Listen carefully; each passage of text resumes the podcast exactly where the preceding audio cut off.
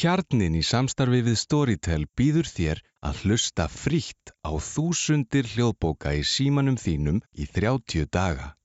Það eina sem þú þarft að gera er að skrá þig á storytel.is skástrík kjarnin og byrja að njóta. Storytel.is Þúsundir hljóðbóka í símanum þínum.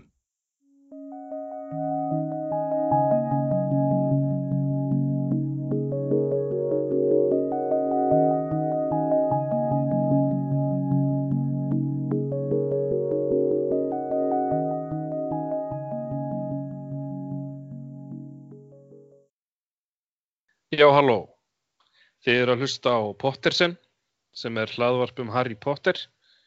Ég heiti Emil Hjörvar Petersen og með mér á Skype er sýstir mín Bryndís Freyja Petersen. Hæ Bryndís. Hæ, hæ. Við eigum ammali í dag. Yey. Pottersen er Yay. einsárs. Uh, fyrir ári, akkurat ári, þá fór fyrsti þátturinn í loftið hjá kjarnanum. Hann hétt Sagan hefst og núna erum við hvað á 20. öðrum þætti. Já, Um, já, ég veit ekki hvernig við erum að halda upp á ammali okkar. Ef við ekki bara halda upp á það með að tala um bókina.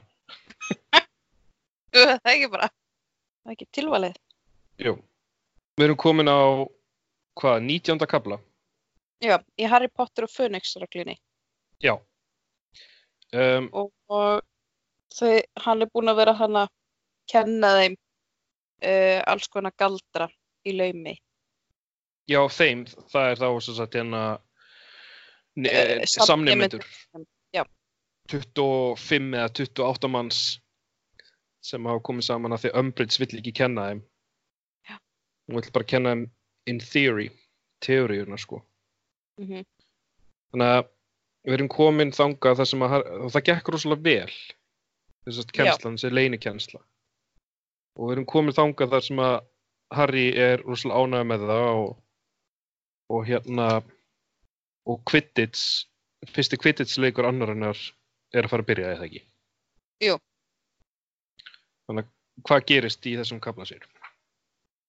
Já, það er rauninni bara, uh, þessi leikur í rauninni, er það ekki bara?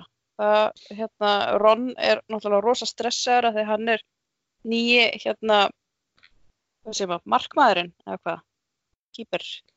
Já, keep, já, Mark Vörður eða eitthvað. Já, markverðurinn í, í Gryffindorliðinu og hefur ekkert spil, að þú veist, hefur ekkert spilað neinn leik áður, hann að Ron er rosalega stressaður. Já, Og hann er alveg að sko- fara svo stressið, hann getur vel að tala, sko, hann getur vel að hreift sig. Og Harry náttúrulega reynir að, að hérna, peppa hann sko. Mm og svo er máli er að náttúrulega slithurinn hefur verið svolítið hérna, að gera grína Ron, sérstaklega Malfoy og vinnur hans. Og uh, síðan er bara já, þú veist, leikurinn byrjar hana og þá er sagt slithurinn uh, búið að semja eitthvað svona söng Já, Eh, einmitt. það er að gera grína Ron eitthvað Weasley er kongur eitthvað, þú veist, þeir eru bara svona að syngja til að hæðast á honum Já, svo anstekilegt já, mjög. Þetta er svona, eh, þú veist, eitthvað víslega kóngurinn, þá verður að meina, sko, hann er kóngur af því að hann lætur alla bolta fara í gegn, sko. Já. Hann er kóngur fyrir sliðurinn. En þessi Og- kapli er einmitt svona Quidditch-kaplinn í bókinni, held ég. Já.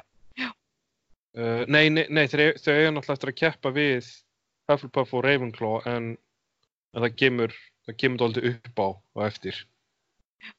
Um, uh, En- en, já, en- og svo sett ha, En leikurinn er alltaf þannig að hann Ron, hann fer alveg á taugum. hann náttúrulega þetta náttúrulega gerir illt verra að það sé verið að gera grína hann og svona hann, hann, hann spilar ekki vel undir pressu þannig að hann er alveg bara, hann er að sökka þannig hann ver ekki, hann ver ekki neitt og eitthvað. Hann er svo eitthvað feitt, sko. mm en Uh, svo náttúrulega eins og venjulega þá nær Harry hérna gullneldingunni og Sjálfsögðu. já, að sjálfsögðu. Nær Mhm. að hérna ná, uh, finna hann á undan Malfoy. Og þá vinnur Gryffindor og síðan hann alltaf Malfoy er alltaf tapsvar þannig að hann fer að gera grínað uh, Harry og Ron Já, og Fred og George, eða, þú veist, hann fer, hann fer að hann fer að ráðast á fjölskyldu víslíbræðurna, þú veist, eitthvað að tala um að mamman sé hvað, feit og Já.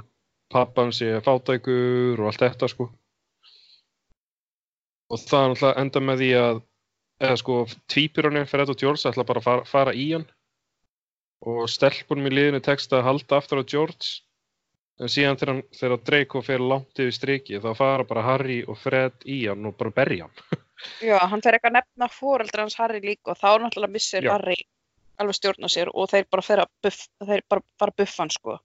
Já, fyrir framan alla á leikvangi. Já, þú veist, en nýbúin að vinna, allir Mhm. kennar hann og þeim bara alveg drullið sama. Og svo náttúrulega hérna endur þetta með því að McGonagall kemur hana bara öskureið og hérna fer með þá. Hérna skrifstofan sína það ekki? Jú, og er eitthvað svona að skamma þá? En þá mætir hérna og hún eitthvað svona segir eitthvað já þið fáðu eftirsetu. Og svo kemur Umbridge og það er bara eitthvað eitthvað. Já. og þeirra skipta sér veist, hvað er Harry að pæla? Þú veist, veit hann er búinn, hann er búinn, þú veist, út af Phoenix-reglunni sem á að vera leinleg og allt þetta og Harry er í hættu og, og hann á að láta lítið á sér bera, þú veist, eftir, þú veist, þessar hérna eftirsetur hjá Umbridge mm og hann lætur Draco fara í sig enn og aftur, sko.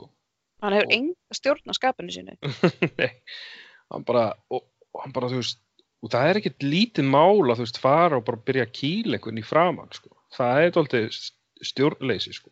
mm En að, e, þannig að hann álega skilir refsingu, sko, en ekki jafn stranga eða mikla og hérna Umbridge. og hún bara kemur hana og segir bara já þið fáðu bara aldrei aftur að spila Quidditch Já, hún tekur fram fyrir hendunar á McGonagall, sko. McGonagall ætlaði að refsa þeim einhvern veginn, örgulega, já með bara svona eftirsetu og þú veist bara svona venjulegt já. en Það er búið að bara- svifta Harry réttinum til að spila Quidditch. já, bara ævilangt bann Mm er Hún gerir upptæ, hans upptækan og allt, sko. já. Og hann bannar líka Fred. En, og segir svo líka sérst, hún, hún setur Fred líka í bann en svo líka já hinn týpurinn, hann virtist ætla þú veist, fara hérna að gera eitthvað af sér líka. Hann, hann er bannaði líka. Þótt að hann hafi verið ekkert gert neitt. Þannig að báðir veist, tvíburinn er þannig og Harry fá ekki spila kvittinsleikur. já, mér finnst það náttúrulega dálítið strand, en það er Umbridge bara snar, Mm snar, sko. Þannig að hérna, uh, þannig að Gryffindor hvað missir, þú veist, þrjá leikmenn. Já. Já, þetta er náttúrulega dálítið gert held ég til þess að stokka þessu upp í, sko, að hann sé ekki alltaf að spila Quidditch bara venjulega og sé, sé besti hérna leitarinn í hverju bók, sko. mm -hmm. Það verður svona aðeins að stokka upp í þessu. Þannig að, Og- Svo er Ron, svo kemur Harry hann og Ron er náttúrulega bara alveg miður sín. Hann skammar sín svo fyrir hennar leik. já, Og þeir eru alveg báðir bara, hérna, alveg miður sín yfir öllu þessu. En svo kemur Hermæni og segir, hei, Hagrid er komin aftur. já, í lokkaflans. Yay! Já, hún, hún svona, þá gleym, gleymist þetta, sko. Já. En hérna, nei, kaplinn hétt Ljónið og Slangan. Uh, ljónið vísa til þess að Luna Lovegood var búin að búa sér til eitthvað svaka hatt Já, með ljónshaus til þess að styðja hérna Gryffindor. Já. Og Slangan vísar til hvað sliðurinn þá. já, sliðurinn. Já, Þeir eru með slöngu í merkjunu sinu. já. Ok, hann Hagrid. Loksins. Hann er komin er Yes! komin 20 kapla. Já. Og þau, þau drífa sig bara til hans, eða ekki? Já, Harry bara fyrir beint að sækja hérna huliskikkjuna og ræningikortið Mm og hérna við samt ótrúld að þau fá, ná alltaf eitthvað neina, þú veist, læðast eitthvað út með að hvernig hlutinu eru núna Umbridge og þú veist, þau bara eitthvað la la la, við fyrir bara út eitthvað Já, sam- það, hún samt, sko, setna í kaplanum, þá bankur hann upp á, sko. já, ég er að segja það að þú veist, svona, ég er að segja, þau halda alltaf að þau komist upp með það. Já, já, já, einmitt. En hérna, allan að þau flýta sér hana, ná að komast að kofanamans Hagrids. Já. Og hann opnar og hann er mjög særðir, eða ekki? Jú, alveg hálft, andli, hál- hálft andlitið á honum er bara, bara blóðstokkið og marið, sko. Og hann tekur einhvern bita af drekakjöti og setur yfir andlitið á sér. Og kæla andliti með því. Já, kæla andlitið á sér með hráu blóðu kjöti. og hérna, og hann er nýkomin heim, er svona, og hérna, og hundrun hans hann líka, hann tryggur. Og, og þau náttúrulega spyrja hvað hann er búinn að vera og hann verður rosalega hikandi við að segja það. Og svo bara eftir, já, þegar, ta- eða Harry segir eitthvað, ég var fyrir árás vitsu og, og þú veist, þú vilt ekki segja mig frá, frá hvað þú ert búinn að gera. Og þá náttúrulega vissi Hagrid, Hagrid veit ekki neitt, hann bara, ha, voru- réðust vitsugur á þig. Og þá notar Harry eiginlega tækjafæri og segir, þú veist, ég skal segja frá mínu ef þú segir okkur frá þínu. Og Þau þá ná bara, ná alltaf að veiða allt upp úr Hagrid. já, eiginlega alltaf, sko. Þannig að, veist, einu stundina þá vill Hagrid ekki segja neitt og svo bara segir hann alla sögun. Mm Og hann er búinn að vera, Ha, nei, ég ætla að segja, og hann er búinn að vera hvar. að leita að uh, risum. Já. Sem, Sem að, sagt, sem að Dumbledore bað hann um í lok fjórðubókar. Að fara Já. að gera það. Það var sérst hann búin að vera í burtu allan að tíma. Mm Að, hérna, með Mata Maxime, hann að skólastjóra franska skólan sem var í síst bók -hmm. og þau fóru saman. Það var voðalega leynilegt eitthvað að þau svona, að því að það náttúrulega alltaf verið að fylgjast með öllu. Já, þannig að þú En- þurft að fara eftir hefðbundnum leiðum. Já, þóttist vera að fara eitthvað frí til Fraklands og eitthvað svona. Já. Uh, og þau sem sagt finna þessa rísa hana og hann segir bara alla söguna og þau hafi reynda hvað fá rísan á sitt bandi það ekki? jú, þú veist, þau ferðuðist þannig að, hvað betur þeir voru einhverjum fjöllum, eru er þeir í ölpunum eða? Uh. Eru einhverjum, að- einhverjum fjöllum í Evrópu Já, og hérna, uh, í, og, og þau fund, fundu risana í hérna einhverjum fjalladal, djúpum fjalladal og þeir voru eitthvað 80 talsins og þetta eru síðustu risanir í heiminum. Já. Og Hagrid segir að þú veist, þeir hafi verið miklu fleiri og þú veist, alls konar ættbolkar út um öll lönd. En síðan voru galdra fólk að drepa þá og, og eftir sem þeir fækkuðu og þjættust saman þá, byrja, þá fækkaði menn þá meira því að þeir dráp, eða þú veist, börðu svo mikið innbyrðis. Þannig að uh, og meðan þeir eru, eða þú veist, Hagrid og Maxine eru að reyna að hérna sannfæraðu um að vera á sínu bandi og þá þú veist koma samt upp eina erjur millir risna og þau byrja að berja hvern annan. Sem að í rauninni þróast út frá því að Hagrid fer að ráðum Dumbledores að hérna að veita höfðingjanum eða fórstu risanum gjöf og það greinlega kemur svona öfundsíki hjá hinum, hinum risunum. Þannig að þeir byrja að drepa hvern annan. Þannig að þetta, þetta er bara eitthvað svona bara eiginlega mission impossible að fá að, að geta talað þá til sko. og svo voru einhverju dráparar þannig líka sérst á vegum Voldemorts já, þannig að Voldemort er að reyna að fá það á sitt band líka. Já. en af hverju er svona mikilvægt að hafa risana? Ég bara af því þeir eru svo öflugir eða eitthvað. Já, það er bara svo, þú veist, risar auðvitað, risar, að, þú veist, þeir eru 6-7 metrar á hæð uh, og eru ókslega sterkir. En þú veist, það er svo, það er svo margt annað það er svo marga kynjaskeppnur og, og allt sko. Þannig að í rauninni er þetta bara svolítið feilað hérna, mission já, jú í rauninni sko þau, þau Þau- voru hann í marga, marga daga alls konar, þú veist, reynda að tala við risa, einhver risa inn í hellum sem að, þú veist, voru ekki hlýðollir höfðingja og eitthvað svona En það bara greinilega virkaði ekki neitt, sko. Uh, nema það að hann sagði, jú, reyndar Hagrid sagði að þeir risar sem að hlustuðu, þú veist, hann, hann allan kom skilabóðum Dumbledore áleiðis og síðan þurfti það að fara, þannig að kannski koma einhverju risar, þú veist, þeim til hjálpar, kannski ekki. Það kemur í ljós. En síðan er svolítið sérstætt að þau segja, ok, þú varst hana í nokkra daga, en akkur varst það á svona lengi burtu. Matta Maxín var lengur farin aftur tilbaka. Já, ymmit. Og hann vill ekki segja hvernig hann særðist. Hann vill ekki, já, hann vill ekki, hann er eitthvað, ég er ekkert særður og hann vill ekki segja í rauninu hvað, hérna, hvað, hvað líka meira á bakvið þessa fjárveru. Já, en við fáum væntalega að vita það aðeins setna eða ekki. Jú. Og svo er Síðan- bankað upp á.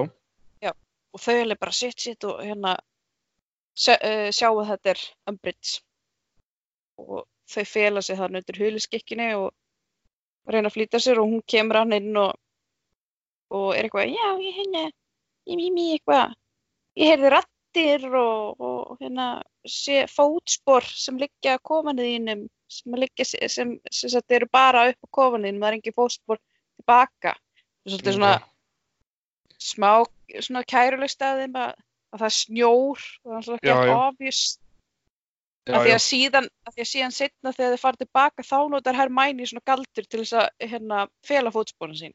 Já, já, það er kannski átt að gera það áður líka. Já, já. En Hagrid hann svona eitthvað, þú veist, reynir að ljúa sig út úr þessu, sko. já, En Umbridge er eitthvað sér í gegnum það. En, já, já, já, hún sér í gegnum það já, og hún eitthvað svona fer að eitthvað varar við og eitthvað svona það ekki og Jú, segir að þú veist, hann alltaf veit ekkert hver hún er.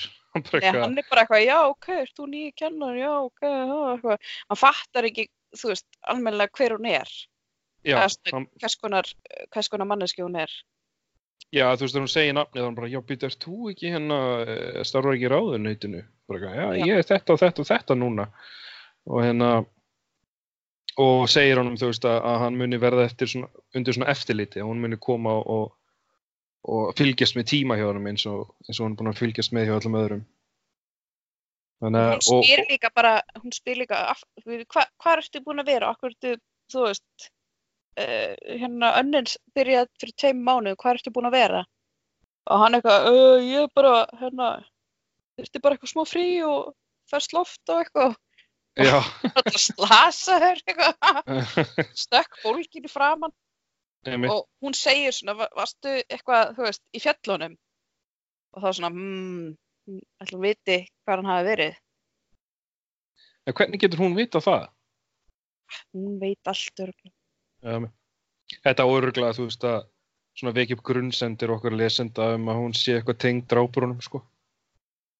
Því að drápurinn er vissu af þeim, svo stena Hagrid og, og Maxine, sko. Já. Það kemur í ljós. Ég er allan að spenntur að vita hvort hún sé vondið ekki, sko. Uh, og síðan, já, síðan fer hún hana og Harry og þau fara að segja, hérna, Hagrid frá því hvernig hún er og fara að vara hann svolítið við því, sko, að hvað hann sé að kenna í tímónu sínum. Hann Já, sé ekki að- að fa- gera eitthvað svona riski, af því að hann náttúrulega svolítið fer svolítið, hérna, uh, hérna, yfir strikið, svolítið, í kærslustundur sínum. Já, eitthvað, getur ekki bara kent okkur eitthvað, þú veist, bara venjulegt eitthvað, þú veist, hvernig að sjá munin á einhvern þessar skeppnu og uh, brottgjaldi og er bara, það, það er bara ekkert spennandi. og hann er með eitthvað svona eitthvað hugmynd já ég er með svolítið hérna eitthvað spennandi sem ég ætla að sína ykkur og eitthvað Já, ég ætla ekki, ég ætla ekki að segja ykkur hvað það er eitthvað og hann Já. mæli bara ah, come on ég ætla bara að kenna eitthvað, eðlilegt hún svo hrættum, hrættum að hann verði Já. rekin, sko. já Já. að hún ætla svolítið að reyna fá hann til þess að hérna svona plana kennslustundina með honum Já. Hermione er reynda, sko, hún svona getur orðið pínu stjórnsumstundum og reyn, er, er að reyna að hafa vit fyrir fólki. En hún er með alveg ótrúlega svona, svona þroskað innsýn inn í, inn í aðstæður oft, sem að. Harry og Ron er ekki að fatta, sko. mm þannig að hún er oft, oft svona uh, hún er allan mjög mikilvæg í þeirra hópi, sko. Já, mjög, hún svona, hún er með svona common sense, hún svona talar svolítið, já. Hún- Já, sko, já, hún, hún er alltaf bara ógeðslega klár, þú veist, bæði, bæði á bókina og svona á félagslegar aðstæður. Já. En hennar galli er, þú veist, að ganga úr langt að, í sambandi við að reyna að stjórna fólki í rétt, í rétt að það sem hún telur vera rétt átt. Þannig að... Já. En þá erum við komin í 21. kapla, eða ekki? Já. Þa, já, ég ætlaði um að segja, þú veist, á þessum 100 blaðsjum sem við lásum að bara gerist hellingur, sko. Já, rosalega mikið. Já, það gerir svo margt þú veist að hérna, það er kvittitsleikurinn það er Hagrid snýr aftur og, sn- og svo núna þessi kapli það sem að, ég myndi segja að það, núna svona hefjast svolítið svona kvörf, þú veist þetta er ákveðin kvörf í þessa kvörf í sögunni sko að núna Mhm. byrjar held ég byrjar þú veist spennan, spennan að magnast sko Algjörlega. Uh, uh, kaplinn, kaplinn byrjar, já fyrir ekki nei, hvað ætlaði að segja? Nei, ég ætla að segja uh, kaplinn byrjar á því að Hermæjunni, það er sunnudagur og strákanir þurfa að læra en hérna Hermæjunni er búin að því og hún fer í kofanir til Hagrids og ætlar að reyna að halda áfram að sannfæra um að, að vera með venjulega kennslu. Þetta Hagrid sé allt þrjóskur, ég held að hann ger bara það sem hann vill. Já, um mitt sko. Þannig Uh, hvað gerist svo? Faraði ekki í tíman síðan hjá Jú. Hagrid? jú, jú, það fara sinni tíma með Hagrid. Þannig að við erum doldið mikið með Hagrid núna. Uh, og það kemur í ljós að hann, hann hérna ætlar að sína krökkunum dýr sem að halda, halda sig inn í forbóðun á skóginum. já, fer með Og- þau þá. Já, og Draco er alveg á taugum. Hann er bara, þú veist, hann, hann er bara raunverulega hrættur. Það er- fyrst, Já, það eru fyrstu bókinni sem að ref, ref, þeim var refsað fyrir eitthvað. mér finnst það svo fyndið. Það er Að- bara fárlegt. Já, þau, þau, af því að þau voru að ganga að nætulægi um gangana. Þá var Harry og Draco og Neville og einhverjum einum öðrum refsað með því að þau átt að fara einhvern vettvangsleiðangur með Hagrid um miðja nótt inn í forbónaskógin. Að leita eitthvað dauðum hérna einhyrningum og eitthvað. Já, og sjá síðan einhverja veru vera, þú veist, að rí, rífa í sig innublinn úr einhyrningi. Það er 11 ára krakkar. Það er svo- að gróft. Þannig að Malfoy bara skemmtur eftir þetta eiginlega. Já, já, Það hún í skó. hún traumatíseraður, sko. En hérna, allána, þau fara hann inn í skógin og Já. þá byrt þannig að, uh, hvað heita þær og kallast þær á íslensku? Já, ég ætlaði að með að spyrja hvað kallast á ennsku, heita vákar á íslensku. Thest Thestrals. Hvað sagður Thestrals. Ok, ég ætla að fá að googla þessu, ég ætla að gá hvort það sé úr einhverju, Já, hvað er sagður T-H-E-S-T-R-A-L-S. T-H-E, S-T-R-A-L-S. Thestrals. Testral. Já. Nei, þetta er bara úr Harry Potter. Já. Það er er eitthvað til, þetta þetta er hana creepy zombie hestar já, sem að hérna, bara Harry er búinn að sjá og Luna mhm, þetta. Og Hagrid hérna kemur með uh, dauða hérna belju, er það ekki? jú, Og krakkanir sjá allt í hennu bara eitthvað, eitthvað, eitthvað ósynnilegt vera að rífa í sig hérna beljuna. uh, nema náttúrulega Harry og Luna og Neville sér að, sér að líka já, og hérna og þá kemur í ljós það sem ég sagði hann að síðast er að hérna ástæðan fyrir að bara ákveðna aðalega geta séð á er að þeir hafa séð dauðan já, séð nákvæmlega, eða Já. eitthvað, dána mannesku já. Ég, ég er inn að, uh, inn á einhverju spjalli það sem einhverjir er mynd að spyrja hvort að Thest, Thestrals úr Harry Potter sé úr einhverju, þú veist, mythology. mm -hmm. af því að þú veist náttúrulega það er ótrúlega margt í bókunum sem að er þú veist úr hérna góðsögnum eða, eða hérna þjóðsögum. Já. Uh, Það verðist ekki vera. Já, í fljótu ég er eitthvað svona rennir þá virðist engin, það er einhverju með eitthvað svona pælingar en það virðist ekki koma beint upp úr, þú veist, góðsum eins og hippogriffin eða eða, eða vampýrur eða varulvar og þannig, sko. Þannig að þetta er bara eitthvað sem Rowling hefur. Já, getur bara hann ha- ha- ha- hafi haft einhverja fyrirmynd, sko, en, en Já. það virðist vera. Þetta var, já, Þetta eru bara svona hestar. Zombie hestar. Og allan, og hérna, síðan mætir Umbridge hana. Hún var fyrst Já. ekki mætt hann í byrjunum tímarum. Hún er að fylgjast með hana. já, og hún er eitthvað hérna því að, að Hagrid sé að hérna, sína þessa hesta í tímanum að því að samkvæmt uh, samkvæmt reglum eru eiga þessir hestar að vera hættulegir já. Og Hagrid vil meina annað, hann vil meina, þú veist, jú, þeir, þeir eru náttúrulega kjötætur og, og, og hann vil meina að þeir sé ekkert að ráðast að fólk nema þeim sé ógnað. Já, alveg sem með hunda Já, einmitt, þú veist, þú veist, Þannig að- hundar geta bitið, sko, eins og þessir og hann sér, hann sér, þú veist, skepnur og allt annan hátt heldur en, heldur en aðrir, sko. Já, og Umbridge verður að spyrja hann eitthvað nefndir þess að hann Malfoy og Pansy Parkinson eitthvað og, og fer svona reynir að veið út úr Neville að hann sé hrættur en Neville náttúrulega vill ekkert viðurkenna það því hann, þú veist, hann vill ekkert særa Hagrid og svona. Já, já, en, en Umbridge líst ekki hann tíma sko og fer að sk- skrá ímislegt niður hana. Já, og Hermione er öskur eðaleg bara og hérna Harry og Ron líka já. Já, Hermæna alveg bara notar bara svona ljótt orð bara, sko.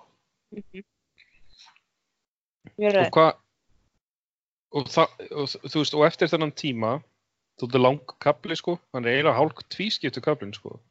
Já, því eftir hennar tíma þá þá er rauninni, þú veist fara þau um, held ég bara aftur í Gryffindor-tur eða þú veist og svo er að fa- ha, Nei, fyrir ekki, er ég að hlaupa yfir eitthvað?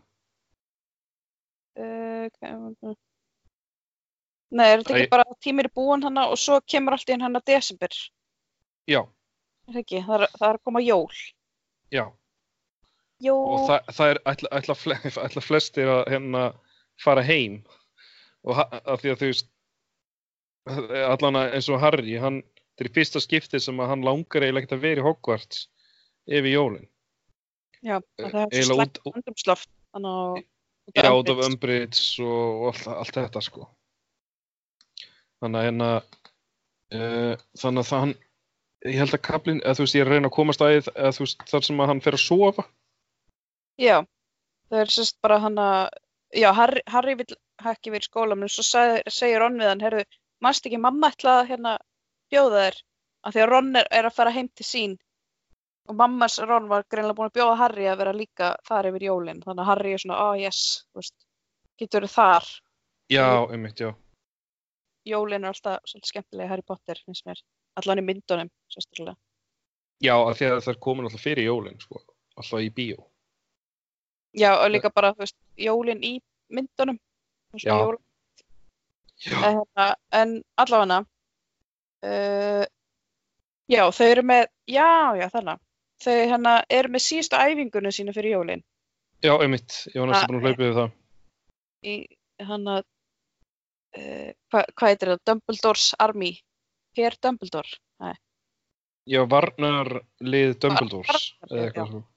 Vafd og þau eru að æfa sig hann og það gengur allt rosa vel og eitthvað og síðan eru allir farnir nema Harry og Cho Já, og hún fer eitthvað eitthvað að gráta þannig og er eitthvað greinilega með samviskubít eitthvað yfir Cedric og eitthvað svona og, mhm, og, og Harry Og svona og Ha- Harry fyrst er svona, ó, tjó, ein eftir hérna. Uh, og eitthvað svona, og svo fyrir hún bara að tala um Cedric og þá er hann bara eitthvað, uh, hún er bara að tala um Cedric og eitthvað.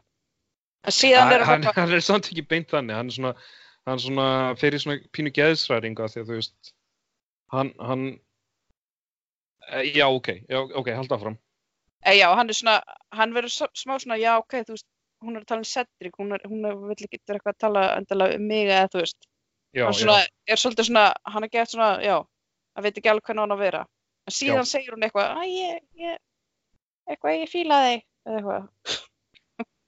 já, Og svo svona kemur ekkert meira eitthvað, eða þú veist, eitthvað, og svo er hann bara kominn allt í einu inn í, hérna, setustofuna og er bara eitthvað, eitthvað svona ekki að skrítin. já, Ron og Hermione er hann og, og þau vita, þau vita hvað gerðist. Eða, þau veiða það upp úr húnum. Hermione bara, þú veist, í rauninni bara segir það beint út, þannig að, Mhm. þannig að hérna, e, að, að, að hún hafi kist, eða þau hafi kist. Kist, Já, og Harry síðan, þú veist, er bara eitthvað, já, við gerum það, en síðan var hann bara grátandi. Já. Og hérna, og bara skildi ekki neitt, sko. Og þá kemur Hermione með ræðuna, sko. að hún sem sagt er svona, þú veist, hún er leið yfir Cedric en er samt með samvinskupið yfir að fíla Harry, að þú, þú veist, er ennþá af Cedric en samt af Harry en eitthvað svona, þetta er svona, þú veist, þetta er svolítið svona klemma sem hún er í hún líka er hrættum hvað fólk segi ef hún skildi fara að byrja með Harry, það er svona stutt síðan Cedric dó og eitthvað. Já, og svo ofan á það er hún hrætt um að hérna, vera rekin úr Ravenclaw liðina því hún er búin að vera að fljúa svo illa undanfærið. Út af bara örgulega því henni líður svo illa og einkennulega. Þannig að, þannig að Harry og Ron bara, ó. Ron er bara eitthvað, hvernig er hægt að hugsa um allt þetta á sama tíma eitthvað? Já, og Hermione bara eitthvað, eitthvað þó að þú sést með tilfinningalíf, tilfinningalíf á við teski, það var ekki þar með að segja þetta að allir séu það, eitthvað veist. En Hermione virðist alltaf verið svona skrefi á undan þeim tveimur í sambandi við allt svona, sko. Hún, hún held hún sé svo næm á uh, svona að lesa fólk og Já, pæla í hvernig, veist, hvað er í gangi hjá fólki. Já. nákvæmlega. Ég, er spenntur að vita, ég ætla ekki að kíkja á hvað hún, þegar hún útskrifast, útskrifast úr Hogwarts, hvað hún hérna, hvað hún starfar við. Guð, ég, ég manna það ekki. Nei. Minnir, minnir að, að hefði séð einhverstaðar að Harry starfar í ráðuneytinu. Ég er samt ekki alveg viss. Kemst að því. Uh, Þannig að Harry er svolítið svona, hann veit ekki alveg hvernig hann að, hérna, hvernig hann að vera eftir þetta. Hann er svona svolítið confused eitthvað. já, skiljanlega. En Já. hann skilur þetta betur núna. Hann, skil, hann Já. skilur Tjó, þú veist, af því að hann er búin að vera í gegnum alla bókina bara eitthvað, "Oh, Tjó er að koma að tala við mig. Og hérna, núna skilur hann þetta. Þannig að En, en hérna, hann hafði þú veist, bó, bóðið henni út eða bóðist til þess að hitta hann aftur eftir korsin þannig að það er eitthvað sem hann þarf að gera sko. Uh, svo er Hermione hann að skrifa til Viktors Krum. Ron er, Ron er náttúrulega bara eitthvað, of, en þá skrifa til hans eitthvað. Já, nákvæmlega ég, ég, ég man eftir í myndunum að þau byrja saman sko. þannig Já. hérna Þannig að þetta er Þannig að- svona öfundsviki. já, þannig að ég er að spá sko, hvort, hvort, eða hvenar Rowling hafi ákveðið það hvort hún hafi ákveðið hérna sko, veist, það er alltaf svona eða í síðustu bók Já, ég held að það veri, eh, ég veit ekki, mér finnst alltaf að vera svona, þú veist, þegar maður náttúrulega veit af þessu, þá náttúrulega er maður svolítið að lesa í þetta í bókunum, svona, hmm, ætli, er þetta að byrja strax þarna? En þetta Já. var pott byrja í síðustu bók. En- Já, var það ekki? Að að, já, já, því að Ron var svo ósáttur við hérna Viktor, var það ekki? Já, því að hann bauð Hermæni á þetta jólaball og þannig. Já, einmitt, já. Einmitt, það, já, já, þá, þá byr, þetta byrjað þar. sko. Það hefði verið skrítið að það hefði byrjað fyrr, sko, af því að í síðustu bók eru þau 14 ára, eða ekki? Jú. Þannig að það hefur dálítið skrítið eitthvað, þau hefur verið 11-12 ára eitthvað. Þannig að, ok, Uh, allavega, svo, hvað? Uh, ég held sem komin yfir í 22. kapla. Nei, Nei, vá, vá, hvað gerist þessum kaplan, maður? Er. Já, þau, þau eru sérst hérna í tíma í Hagrid og svo hérna er þetta með Joe og svo klárast kaplinn, Já, svo fer hérna Harry að sofa Já. og hann fer að dreyma eitthvað svona um Tjó og eitthvað, eitthvað eh, Tjó að tala um Cedric, svo allt í hennu breytist draumurinn hans. Já, og þá er allt í hennu bara eitthvað Harry bara slanga, finnur fyrir svona, þú veist, hann er eitthvað svona, veist, slæta svona eftir gólfinu. Og þú veist, finnur alveg fyrir, hann er slanga og hérna hann ræðst á eitthvað í drömmnum. Já, ræðst á einhvern sem situr, situr á einhverjum gangi fyrir, einhverja, fyrir framann einhverja hurð eða eitthvað svolítið. Já. Og bara, þú veist, hann er bara líst í að hann sökkvi vítunum í hann og, og eitthvað svona og blóði spítist út um allt. Já, finnur alveg svona blóðið og eitthvað og, og, og hann er rosa illt í örinu og svo vaknar hann að Ron er að sérst, vekja hann. Er það ekki? Já, jú, hann er vekjan og Harry vaknar með ógist að- að sársöka sársöka og svo mikið sársöka að hann bara ælir. Þannig að uh, og hann er bara eitthvað segir við Ron, pappiðinn hérna, pappiðinn, það var ráðist að pappaðinn þannig að í draumnum eða svona, já, þetta er kannski ekki alveg draumur en þú veist, þá er hann bara slanga og ræðist á pappans Ron, Arthur Weasley Já, og Harry fullir strax að þetta hafi ekki verið draumur. Hann hafi raunverulega séð þetta. Þannig að uh, Neville hleypur og næri McGonagall. Mm. Og McGonagall stendur hann yfir Harry og Harry, þú veist, alveg bara skýrt fullir þetta allt saman. Og McGonagall segist trú honum. Og að þau ætti að ætla að fara að tala við Dumbledore. þá erum við komin í kapla 22 Já. Og og hún núna loksis fá að tala við, eða þú veist, e- e- kemur Dumbledore inn í söguna aðeins. hann er eiginlega bara, Harry er ekkert búin að tala við Dumbledore Nei, ekki neitt svo. eiginlega bara, þú veist, síðan bókið byrja þannig að þau fara hana inn til hans og Dumbledore svona, hann horfir aldrei á Harry Nei, hann svona horfir eitthvað svona út í lofti eða stendur í bakið og horfir Ron en horfir aldrei beint á Harry já, og það fer alveg gett í Harry að því að hérna, Harry er búin að vera mjög pyrraður til Dumbledore ennum bókina út af því að hún finnst hann hafa hunsað sig. mm þannig að. Harry er með svona smá stæla, eða svona attitude og Já. er eitthvað svona, þú veist, hálfreiður og eitthvað og er allan, en, en Dumbledore verðist þú veist trú honum náttúrulega og Dumbledore fer bara í gang með, þú veist, hann talar hana við eitthvað málverk, kallaði ykkur málverk um hana, eða ekki? Jú, sérst, fyrrum skólamistrar, er, það eru, þú veist, það eru málverk af þeim út um alla veggið hana á skrifstofan hans og hann verðist getur bara sendt þessi málverk í svona erindagerðir. Já.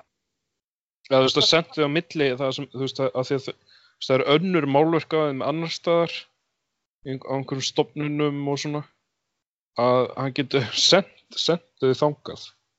Getur bara farið á milli. Þannig að hann Já. bara sendir þá bara í ykkur erindagjörðir. Segir bara þú færð hana og tjekkar á þessu. Þú færð og hérna gerir þetta. Þannig að hann sendir þannig að ykkur að aðtöða þú veist stöðuna bara hérna er það ekki tekka Arthur Weasley. Jú, það var eitt sem ég náði ekki alveg, var Arthur Weasley, var hann í, í kjallara eða einhvers konar kvelvingu undir galdramála- galdramálaráðinitinu? uh, ég er ekki viss sko að því að þau spurja hann hann að setna hvar varstu og hann vill ekki segja það Já, já, ok, ok. Þann, en sem sagt, hérna, Dumbledore sendir eitt, eitt, eitt, málverki sem, og þá er greinilega málverk af þeim sama, á sama, veist, á þeim stað þar sem Arthur var. Þannig að, sem sagt, hérna, eða, eða, nei, ég er ekki alveg, e- eða einhver þar sem einhver getur farið að hjálpa, hjálpa já, ég held það Allavega, þetta, Arthur Weasley, hún er með bjargað út, af þessu, sko. Já, Að, hérna, svo er- Dumbledore. svo er látið, þú veist, hérna, frú Vísli vita og allt hannig og þetta er svona rosa mikið atbyrðrás eitthvað og þú veist, hann er ennþá lifandi og svo uh, hérna uh, segir Dumbledore uh, McGonagall að fara að vekja hinn hin að Vísli krakkana, Fredus, George og Ginny. Já, og þau koma og þau veist svona uh, að því að Harry segir náttúrulega já ég, ég sá þetta í drömnum mínum og eitthvað svona og svona svolítið, þeim finnst þetta svolítið spes held ég, Þú veist, akkur var Harry eitthvað að sjá þetta? Mhm. svona, já. Ég held að þeim finnst það smá óþægilegt að vita eitthvað að Harry hafi verið hann eitthvað að sjá þú veist, í drömnum sína eitthvað, eitthvað verið að ráðast á pappa sinn Já, nákvæmlega. uh, og síðan bara basically kemur Dumbledore með svona uh, portkey Já, en að leiðarleikil. Já, le- hérna fer með þau yfir í hérna húsið hans Siriusar, er það ekki? Jú, til hróðagerðis. Af því að veist, þau vilja náttúrulega fara strax og sjá pappa sinn en það er náttúrulega rosalega svona grunnsalegt eða þau bara koma þannig strax bara nokkur mínútum eftir að það var ráðist á hann Já, já, þannig að þau Þannig fá að býða eins já. En Dumbledore fer ekkert með þeim. Þau bara, þau, þau, þau flytjast, þess að Harry og, og Weasley sískinin flytjast til hróðagerðis þar sem að Sirius tekur á móti. Og, og Sirius er náttúrulega rosa ánægður að fá heimsókn. Því ég líst það sér svona veik áfengislikt á honum. Þannig að hann er búinn að vera, Súskaður og eitthvað já, hann er búin að vera náttúrulega bara einn í einhverja mánuði. Má ekki fara nýtt. Þannig að hérna, uh, og þau rífast þarna eitthvað, já, því að Fred og George vilja fara strax að hitta pappa sinn, sko. Já. Og Sirius nei, og þú veist, það er bara eitthvað svona, þú veist, svona óvart segir, þú veist, þetta er ástæðan fyrir að, þú veist, þið er ekki í veist, þið, þið skiljið ekki að það sem við erum að gera er, það, þú veist, það, við þurfum að fórna hlutum og það er það sem að pappa eitthvað væri að gera. Og hérna, að því að hann var að vinna fyrir, hann var að vinna fyrir fönixregluna þegar þetta gerðist. og hann er eitthvað svona að róa þau niður, það ekki og Jú, hann, Svo hann, hann gefur þeim hérna hunungsöl að drekka og eitthvað Já. svona. svo fá þau bref frá frú Vísli þar sem hún segir að papp, pappi er að sé enn á lífi og hann sé að fara á hann að seint Mungos Mungos Sjúkrahúsið, já. sjúkurhúsið Já. Og þannig að Hérna, þeir, hann, er, veist, hann er á lífi en það hljóma samt svona eins og hann sé að milli lífs og dauða já. Þannig að þau eru hérna bara alla nóttina, en- enginn fer að sofa, að sofa bara þú veist, get ekki fara að sofa. En svo kemur Molly, Weasley, mamma er það ekki, Jú. og segir að sé, veist, hann, hann sé í lagi, eða veist, hann er mjög særður, en veist, hann, hann er, hann lifir þetta af. Að hérna, og uh, faraðu síðan bara til hans. e, já það Í ekki rauninni. Jú, já, já, eða koffortin þeirra er sendt til þeirra, krakkana, og þau fá venjuleg föt til að fara í. Þau veist, Já. svona, fara úr skikkjunum og fara í gallabuxur og bóli og eitthvað. Af því að þau þurfa að fara eftir hefðbundnum leiðum að sjúkrahúsinu. Já. Og hún hérna, og uh, skröggur eru hana líka já, fylg- fylgja þeim, já. Þannig að þau fara núna í, til London, þú veist, saman og eru þannig að þú veist í jólaösinni í London og fara, þú veist, svona verslunagötu það sem allir er að, þú veist, kaupa jólagjafir og eitthvað svona og sjúkrahúsið er falið uh, bak við einhverja gamla fataverslun Já. Skástræti er falið í einhverjum, Í þú veist, einhverjum svona hvað séru? svona bar Já, bar í einhverjum svona þröng, þröngu stræti Já. Og, og hérna galdramálaráðuniti er falið undir einhverju torgi. En hérna þau galdrafólki sem byggði hérna sjúkrahúsi vildi ekki hafa það neðanjarðar upp á eitthvað hreinlæti og svona. Þannig að það var, það, það var staðsett á, á hérna stað þar sem það var rosalega mikið markmenni. Það sem að þú veist, ég veit ekki fáir myndi taka eftir því að það væri verið að fara inn og út. Já, að það er svo mikið markmenni þannig að þau að- fara þannig gegnum þessa verslun og inn í sjúkrahúsið. Og það eru alltaf skemmtilega lýsingar þar. Já ég var alveg búin að gleyma þessu. Já, ég held að þetta sé ekki myndinni. Og ég það var bara ekki? Mm, ég man það Það- ekki. Ég ætla að man ekkert sérstaklega eftir því. Að það er, það náttúrulega hækkað budgetið alltaf mikið af því að veist, lýsingarnar á, á öllum sem eru þú veist, veikir, þetta eru fólk sem að, veist, gal, hérna galdramenn nornir að sem að, veist, galdranir þeirra hafa færið úrskeiðis, einhverjum eitthvað margar hendur og, og eitthvað svona þetta er svolítið skemmtilegt þannig að þú veist, Harry spyrir alls konar fólk svona í grænum sloppum að lappum og Harry eitthvað, er þetta, er þetta læknar? Og Ron eitthvað, ha, læknar? Nei, þetta eru svona healers. Hvað heitir, heitir það bara heilarar? Nei, græðarar. Græðarar, já. Þannig að, þú veist, þetta er svona eins og sjúkarhús en samt ekki. Og svo svona alls konar hæðir, hérna, alls konar, hérna, uh, deildir fyrir ímislegt og svona. Já, það eru hérna, það eru, það eru deildir áhaldastlýs á, á fyrstu hæð ef þú veist, það hefur verið sprengingar í seiðpottum eða eitthvað slúðis og svo áverkar af völdum lifandi vera það er, þú veist, ef einhverju bitið eða stungið þig svo galdra pöttur eða þú smitast að einhverjum sjúkdómum og eitthvað svona. Og svo töfur að drikja og plöntu eitrun eða þú fengið, veist, eitrun út frá því. Og svo álaga áverkar þegar þú veist, einhverju álög eða bölvanir hafa fyrir úrskiðis þannig að það er örgulega mjög busy staður. Af því að ég get ímynda mér að fullt að galdra fólki sé að gera alls konar mistök það. og þau hérna fara hann á og spyrja um Artur Weasley og fá að fara þánga þess að sem hann er og hann er bara í góðu lægi eins og er Já, jú nema að sárið hans er ekki að gróa Já, það hættir ekki að blæða, það er greinilega eitthvað svona, eitthvað eitur í þessu, hérna, í, í bitinu hjá slengunni sem lætur mm -hmm. uh, blóðið ekki græðan. Hann fær eitthvað svona, uh, hann er að taka svona eitthvað seiði við því. Já. Og svona, já. ja hann er að taka seiði sem að endur nýja blóðið hans og því hann, hún er eiginlega bara blæða stöðut, sko.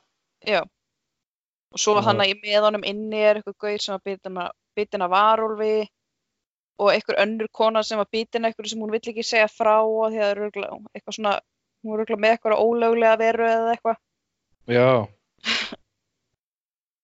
og já þau reynir bara að hitta hann þannig já. Og svo hérna farið út út úr stofinni og innfara uh, skröggur og tóng og þau, hérna, mammans, mamma þeirra sendir þau út af því að hún vill ekki að þau muni heyra því þetta er greinlega eitthvað þau eru að tala um hérna, eitthvað fönniksregluna og hvað gerðist.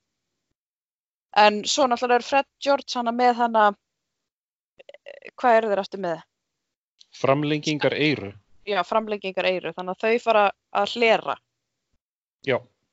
Uh, og þau er eitthvað að spjalla hann, þau er eitthvað svona kvísla svolítið erfitt að heyra og þau segja eitthvað, já, Dumbledore er hérna, hefur áhyggjur að Harry og þú veist, að því að þau halda að Voldemort sé að hérna að Harry sé uh, hvað segir maður andsettur, eða hvað Já, þetta, veist þetta er svo fyndið að þú veist hérna Harry og Weasley krakkan eru hérna hjá pappa sínu, eða hérna hjá Arthur Weasley. Og þú veist hann er særður og, og Harry náttúrulega þú veist er sá sem að sá þetta og í rauninni bjargaði lífi Weasleys. Og svo þegar þau ætla að fá að spyrja nánar út í þetta þá bara svona nei, nei, krakka, farið núna út bara. Yeah. og, og skröggur og tongs fara inn og þú veist fullarna fólki færi að heyra og þetta er náttúrulega fyrir alveg óstjórnulega í tögunar á Harry mm -hmm. að hann, hann sé að þú veist lendi í þessum hlutum og fá ekkert að sé hann að vita yeah. og jú eins og þú segir þá hérna heyraðu með þessum framlíkingar eirum að uh, að Dumbledore hefur áhyggjur á Harry en það er já út af því að það gæti verið mögulega að hann sé einhver, einhvers sko, eða þú veist andsettur eða, eða það sé eitthvað í honum af, frá Voldemort eða eitthvað svo leiðis Já um, eða Voldemort það, það, það er eins og þau veit, veit ekki alveg hvað það er sko Voldemort það, sé eitthvað svona taka yfir Harry eða eitthvað þannig Já, þú veist, það, það, það er greinilega, þú veist, það er ekki, við fáum ekki alveg, þú veist, við fáum bara að heyra það sem að Harry og þau heyra, sko, og það er mjög svona slitrótt. En Harry, þú veist, af því að skröggur ítlaðu að segja, kannski gerir Harry sér ekki grein fyrir því, en þú veist, kannski er hann ansettin af, af Voldemort. Mm -hmm. Og þetta náttúrulega fær alveg fáránlega mikið á Harry, sko, og útskýrir uh, af hverju Dumbledore hefur að forðast hann kannski. Af því að já, við glemdum að nefna það að, að þegar þau voru að fara að ferðast með leiðarliklinum á skrifstofu Dumbledores og Harry og Dumbledore horfast í augu loksins að þá fær Harry einhverja fáranlega löngun til þess að vilja ráðast á Dumbledore Já, já, glendum að nefna það. Og hann nefnir Já. líka við Sirius. í, Já, setna í, í næsta kapla, Já. já Hann, nei, hann búin að nefna það ekki. Já, já, hann búinn að, næ, já, sorry, já Allan að, allan að, já. Sem sagt fann fyrir bara svona löngu til að ráðast á Dumbledore sem er náttúrulega fáranlegt, sko óþæ, óþægilegt fyrir hann öruglega. Já, að já, ekki fáranlegt að og hann er, Sirius, Sirius sagði bara, þetta hljóta bara að vera eftirkost eftir sínina og eitthvað svona og Harry er bara eitthvað, nei, ég bara, þú veist, ég fann virkilega fyrir þessu. Já, Þannig að, þannig, að- þannig að frá með þessu hérna þegar, þegar þau eru að hlera þá bara, þá fer Harry að halda að að hann sé eitthvað ansettin sko af Voldemort þannig að hann er hann- bara svona smeyk sjálfan sig. Já, hann smegur sjálfan sig einmitt og núna í 2003. kapla sem heitir Jólahald og lokuðu dildinni þá eru þau komin aftur eða eru að fara og svo eru þau komin aftur á hróðagerði. Og Harry eiginlega bara loka inn á herbergi. Og, og er bara bara paranoid sko. hann er bara vænisjúkur. Hann bara, ég er kannski bara ansettinn ég er bara ég, ég er hættulegur og og ég er vopnið sem að Voldemort er að nota, eða þú veist, ætlar að nota. Og því að í upphæ, eða svona tiltalega framalega í bókinu þeir eru að kynast Phoenix-reglunni fyrst. Þá fáu þau að vita ímislegt en, síðan ætlar Sirius að segja Harry frá einhverju að Voldemort sé að reyna að fá, þú veist öðlast eitthvað vopn sem hann hefur ekki haft áður. Og síðan alltaf fær Harry ekki að vita hvað það er. Þannig að Mm Þannig að hann heldur að hann sé vopnið. Þannig að hann Um, bara, einhvern veginn, hann vill ekki tala henni, bara hann einangri sig svolítið þannig Já, borðar ekki, sefur ekki. og er bara rosa mikið að pæla hvernig, hvernig gæti ég, veist, er ég snákurinn, hvernig gæti ég farið þangað og aftur tilbaka og veist, er ég hérna umskiptingur eða hvað heitir það, Ha- hamskiptingur, Kvikskiptingur. kvikskiptingur Já. og er bara svona, hann er rosa mikið að pæla í þessu Mm -hmm. og er rosa hrættu líka um að Voldemort hafi þá, þú veist, hafi ykkur tök á, á veist, huganum hans að Voldemort það vitir hann allt núna, vitum Já. fönixreglunum og allt þetta, Já, mitt. þannig að hann er svolítið smeykur. Já, og hann bara, hann bara, hann, hann kemst að þeirri niðurstöðu að það væri kannski bara best að hann væri á runnaflutt. Já. Væri bara þangað að því að við runnafluttur undir þessum varnar álögum og væri bara þar. Og léti sig hafa það að vera hjá dörsli hjónum. Hann basically fer bara að pakka niður, hann ætla bara að fara. En þá Já. er hann á málverki, málverk af hann að fin, Finnis Nigelis, Já. sem er eitthvað slithurinn gaur. Já, sem er einhver, einhver forfæðir Black, eða Sirius eðar, sem að var þá skólastjóri í Hogwarts eða ekki, Já. en hann er svo stór sliðurinn. Já. Og, hann þi- er eitthvað svona, þeir fara eitthvað, hann fyrir að segja hann hvað ertu bara að fara og eitthvað og, og hérna, eh, og fyrir eitthvað svona að segja við hann, þú veist, ég held að vera Gryffindor, ég held að vera hérna hugrakkur og eitthvað svona, Já, og þá, og svo, svo er sérst þetta, þetta málverk af þessum gaur er hérna líka sérst hjá Dumbledore. Þannig Já. að Dumbledore er, er að senda þennan gaur til að fylgjast með Harry og hann Já, og- fær hann fær hérna þá sagt, þau skilabor frá Dumbledore að segja við Harry að bara, þú veist, vertu það sem ert, ekki fara neitt. mhm. Svo Og gerir Harry er bara eitthvað, er hann bara, segja mig hvað ég á að gera og eitthvað, þú veist, er eitthvað svona pyrraður út í Dumbledore Já, og hérna uh, og hvað gerst svo? já, ég ætlaði bara að Eh. segja þessi, þessi, ég, þessi Phineas uh, Nigelus, hann virðist vera ágæðis að þú veist allir lægi náungi. Já, með við Eh, að hann sé slittur það er ekkert allir það er ekkert allir ógislega umhverfið slitturinn Nei, ég ætlaði að segja það, því að maður fær alltaf tilfinninguna, þú veist, út af Draco og þeim, að sleiðurinn séu bara vondir, Mm. en, uh, en þeir eiga náttúrulega ekki að vera það allir, sko. Að hérna, þessi virðist vera svona gefið skín að þú veist að slitturinn þeir sem er slitturinn hugsa svolítið sko út frá sér sjálfum Það er kannski svolítið svona sjálfselskir eða svona sjálf, þeir, þeir gera allt, þú veist, bara fyrir sig, einhvern veginn. En þeir eru kannski endilega vondir alltaf.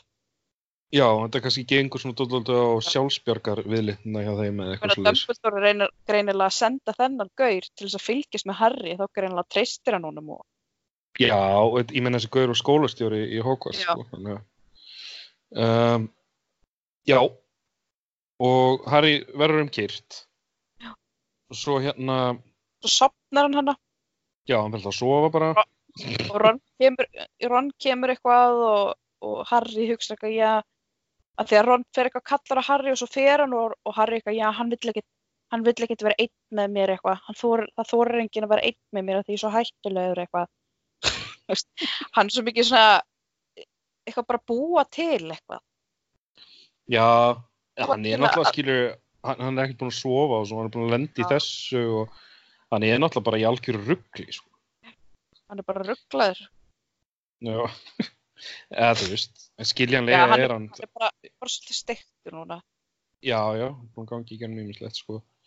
Eh, hérna- síðan vaknar hann morgun eftir og, og það er að hérna, vera að skreita fyrir Já, jólum. Sirius Black að syngja jólulög.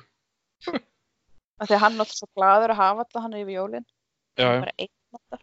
Já, en síðan fáðu hann niður í Herbergi og það eru Ginny og, og Ron og eitthvað svona og Hermione og þau tala, tala hann til því að hann- er bara eitthvað þið, þið, þið, já þau segja eitthvað þú hefur alltaf litið á okkur bara, þið, þið hefur alltaf litið á mig, þið eru örugglega bara að tala um mig og eitthvað síðan Fer er, það- svona, er, í þetta vera svona reyður og eitthvað. Já enn einu sinni sko. Og hérna en það, það er Ginny sem nær til hans af því að Ginny minnar hann á að hún var ansett af Voldemort. Já. og og hún, hún segir, þú veist, hún spyr Harry, uh, þú veist, ertu, ertu, hefur verið með minnisleysi, hefur þú veist, fengið svona blackout, þú veist, bara veit ekki hvað varst að gera? Og Harry eitthvað, nei, eitthvað, nei, þá varst ekki ansýtin á Voldemort. Eitthvað, ég, ég var að vakna upp að einhver sem ég vissi ekki vissi ekki hvað ég hefði gert. Og ég var, það var, var var, þetta í leyniklefunum? já, það var í leynuklíðanum af því að E- hún, hún tók hana, hún var með dagbúkinans Riddle og, og var undir svona álögum og, hann var að, og hann var að láta hana, sérst, Voldemort var að láta hana gera alls konar. Þannig að hún mundi eftir því. Þannig að Já. samkvæmt henni þá er, veist, Harry ekki ansetinn. Já, nokkulega. Já, Og- býtu, var þetta þannig að Ginny var með einmitt dagbók hann hann að unga Voldemort? Já, unga Voldemort. Já. Var það á- hún sem var, var það sérst hún sem var að opna leyniklefan? E, já, í rauninni, Eða þú veist, Voldemort var að gera það í, í með- gegnum með- hana. Já. já, með hjálp Tom Riddle. Já. Og hennar, já, Já, þannig að þú veist, þannig að Harry er bara svona, já, ok, þú veist, það, er- að- það er svona, hann finnur fyrir létti að heyra þetta. Bara svona, ok, ég er allavega ekki ansetinn Já. á Voldemort. Og Harry eitthvað svona, já, ok, þá er ég gerinlega ekki vopnið og eitthvað og, og eftir þetta, þá er hann bara svona, hann er bara í gúti, sko. Allavega eins og er. Fær sér að borða og fer að sofa og sefur, þú veist, í uh, bara, þú veist, næst í sólarhing eða eitthvað.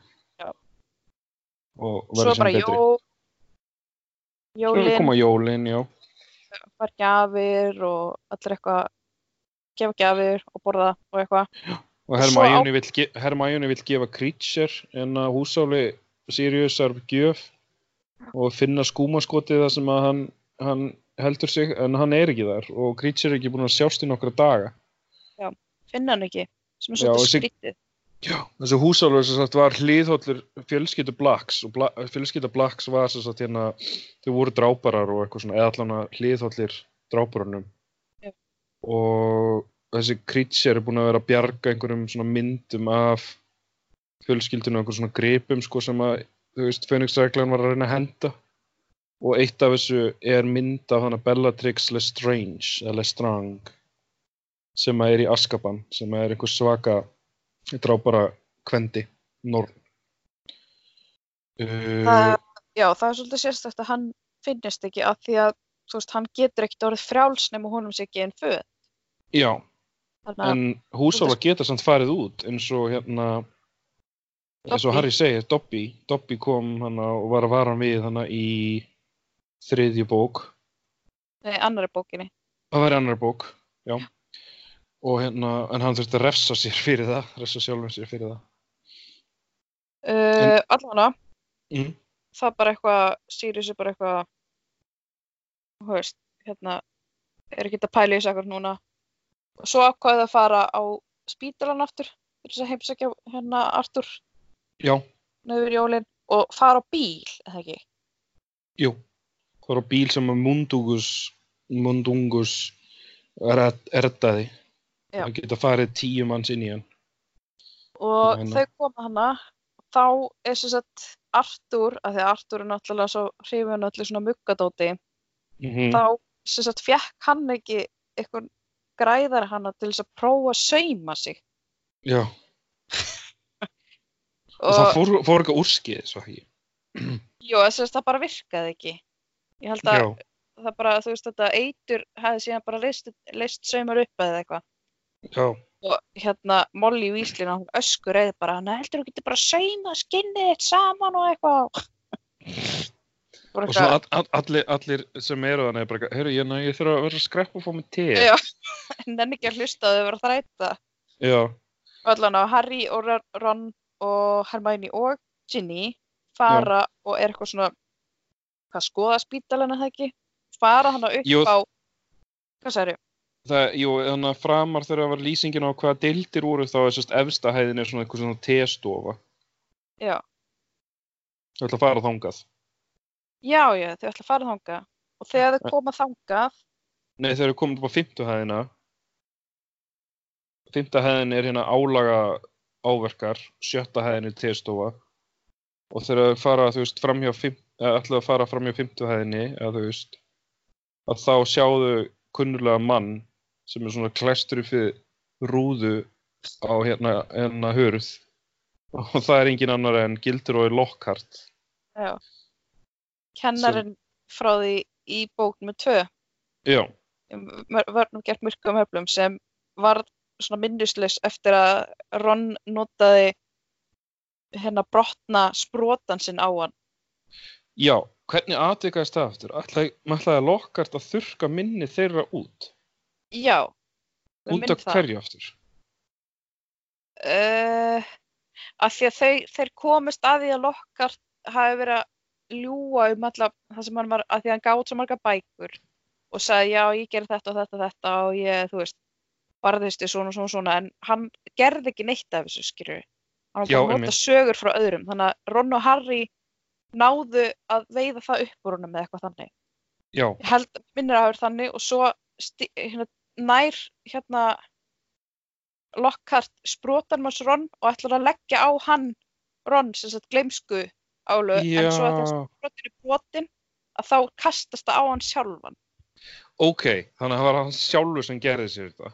Já, Ok, það er gott, að ég var bara eitthvað, shit, þú veist, ef Ron hafi gert þetta, þá er Lockhart búinn að vera hann í nokkur ár. já. Og Lockhart er bara basically bara minnisleis, hann, hann veit valla hver hann er. Nei, hann er bara búinn að vera þannig, sko. Þannig, að- En hann veit Man- samt, sko, hann, veit samt, hann veit að hann, hann, hann vil gefa einhand áriðinir. já. það er eina sem hann vil gera. Bara vil ég fá Og- einandar úr þinn, eitthvað. Já, man ekki einu sinni hver Harry Potter er eða hva, að hann hafi verið kennari, bara já, því, Þegar ég skal, ég skal bara hérna gera hérna bara fullt af einhundra áratum sem sem bara gefið vinum ykkur líka. hann er þannig ykkur svona Eh, slopp. Já. Og hann hefur ráfað hann greinlega út af deildinu sinni, svona, svona lokari deild fyrir þá sem eru svona la langtíma, uh, hvað segir maður, langtíma sjúk sjúklingar á sjúkurhásinu. Mm Og það kemur hann að kona út greinilega eitthvað svona, eitthvað svona caretaker eða eitthvað, svona, eitthvað sem er að vinna hana Mhm. og er bara, Já. já, hvað, hvert er komin vinnu minn eitthvað og sem sagt þá hefur hann greinilega hérna leiðumast út af dildinni Já, og hún heldur að Ron og Hermione og Ginny og Harry séu sagt, að koma að heimsækja hann, eða ekki? Jú, og þau náttúrulega bara uh, spila með það því að þau eru svona eitthvað forvitin um þess að lokuðu deild, eða ekki? Þannig að þau eitthvað svona ná smókris hana inn með því að þykist vera he hérna heimsækja hann. Mm Og þá Og- sjá þau uh, gamla konu og Neville. Og Harry er bara reynir að draga aðtegluna þú veist, frá því að því að Harry veit lindamálið hans Nevilles. Já. En, þá, en það, þú veist, þá, það kemur síðan bara í ljós. Að því að Ron bara, hei Neville, blessa, hvað er þú að gera hérna? Neville bara eitthvað, eitthvað, eitthvað alveg rosalega skömmstilegur Já. og Harry bara eitthvað, Harry bara eitthvað, oh, nei, alveg, þú veist. Já, og ammans er, ammans er rosa næs og bara eitthvað, já, hæ, eitthvað, þú veist, Neville búin að segja svo mikið frá ykkur og eitthvað og, og er eitthvað svona, já, pappa, eitthvað, foreldrar hans Neville, eitthvað, bla, bla, bla og þá, Mm. þú veist, fattar hún að Neville er greinlega ekki búin að segja neinu frá foreldrar sínum. Já, já, sem ammans veit ekki, hún bara, ertu ekki búin að, Já. ertu ekki búin að segja frá eitthvað. Hún bara skammast þín fyrir þá og eitthvað. Mhm. Og hún segir En- bara svona hreint út, bara, já, þú veist, fóröldrar hérna, eða þú veist, þau, hérna sonu minn og, og konun hans, þau voru hérna, ah, hvað heitir það? Skignar. Og, og hérna, fórnuðu sér fyrir, fyrir hérna málstæðin og eitthvað svona, sko. Og þau voru pyntuð af, hérna, af þið vitið hverjum. Nei, já, það, það var Bellatrix Lestrange, Strange, sem já, að, sem var pyntuð af, já, sem fylgjendum hans. Já, og það var Bellatrix sem að hérna bara kastaði á þau kvalaböluninni bara þangatölu þau bara urðu rugglu, eða þú veist bara mistu, urðu vitstóla, sko. Þannig að þau eru Já. bara basically bara viti ekki neitt og viti ekki Mhm. hverju þau eða neitt. Já. Mam mammas Nevils kemur hann eitthvað að gefa hann eitthvað tómt nammiðbréf eitthvað. Já. Og Neville bara, já, takk mamma. Og, uh, og Harry kennir rosalega í brjósti um, um Neville, sko. Já, hún finnst þetta rosa sorglegt að sjá þetta.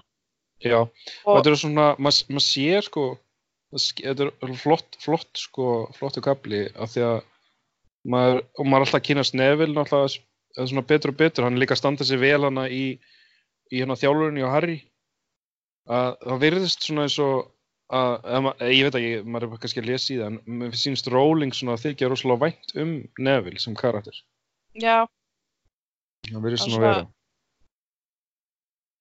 maður er svona vorkennur um alltaf svolítið mikið af því að, þú veist, það er mikið strítt honum og hann er svolítið mikið klaufi og svona, en hann er rosalega góður. Já, hann er svolítið góður og hann er mjög svona tryggur Harry Potter sko og, Já. og hérna Og hann er mjög klári í því sem hann, þú veist, getur. Já. Þannig að það væri gaman ef hann yrði svona stærri karakter og yrði jafnvel svona hálfgerð í fjórði, fjórði gaurin. Er það ekki þannig eða? Jú, hann verður alveg svolítið stór. Eða svona, þú veist, Já, þú hann veist, lest sérstaklega í þessari bók, sko. já, já, Svona já. fínna. Þú, eða, þú veist, ég hef spurt það þessu áður sko, þú veist bara, þú, þú veist það fyrsta. Um, já, þá, þá við erum, Þannig að, já, og Hermæni og Ginny og Ron eru bara, oh, ég vissi ekki af þessu og eitthvað. mm Og Harry eitthvað, ég, ég vissi af þessu, en vildi ekki segja henni frá því. Þannig að, en núna veit allir af þessu, eða þú veist, þau vita af þessu. já, ne Neville mitt er að, þú veist, Neville svona lítur á þau, svona hálf svona augrandi, bara, þú veist, býst við að þau ætla að hlæja og hlæja að þessu. En síðan að hlæja fer enginn að hlæja. Það er einhver þetta að fyndið. Þannig Og að hérna, þú veist, Harry, veist, Harry hafði aldrei séð neitt sem var svona ófyndið í lífi sínu, eða þú veist, eitthvað svona, já, þú veist, Neville býst við að eitthvað fyrir að hlæja og Harry finnst þetta bara allt, allt annað heldur en að vera fyndið. Og, og líka þeim, þeir, þú veist, þeir eru náttúrulega vorkina honum öll rosalega mikið. Þannig að það sé líka svo gott fyrir Neville að sjá og þú veist hvernig þau eru að bregðast við þessu, að það finnst einhverjum þetta fyndið. já. Það sem að kannski, þú veist, efli sjálfstörst hans Já. og, og hérna, uh, og breytir sín Rons og Hermione og Ginny á hann, sko. Þannig að þú veist, Já. að kannski byrja að myndast þarna sterkari tengsl, sko. Já, uh, við hættum á þessum Já. nótum. Það var margt sem gerist. Já, vá, þú veist, við svona rétt náðumst að kom, komast yfir þetta allt saman, sko. Þannig að hérna, næsti kapli heitir Hughrinding og er nummið 24. og hérna við erum meirinn hálfnu með bókina þannig að uh, já, byttu nú við þetta er 22. þáttur sem þýðir að við erum búin að já, já, við erum í ár með Pottersen og, við, og hver þáttur er búin að vera svona rúmu klukkutími þannig að við erum búin að tala um Harry Potter bækunar í svona 23 klukkutíma Ha? Alvöru? Já myndi ég halda, sko, ef, ef hver þáttur er svona rétt rúmu klukkutími þá er hann ekstra klukkutími þannig að Þannig að ykkur getur bara tekið marathon og hlustað á okkur í heilan sólaring. Já, að hugsa sér Þetta Þetta er það sem fólk ætla að gera. Já. Þannig að um, um, um jólin þá í stað, staðin fyrir að hérna, lesa Harry Potter bækunar þá bara stilla inn á Pottersen og hlusta okkur í sólarhing sko. Já, eða meira en það náttúrulega þegar jólin koma sko. já, vá. Já En já um, eiga það bara segja þetta gott og, og heyrjast í næsta þætti Yes, Ok, ok, bye bye bye.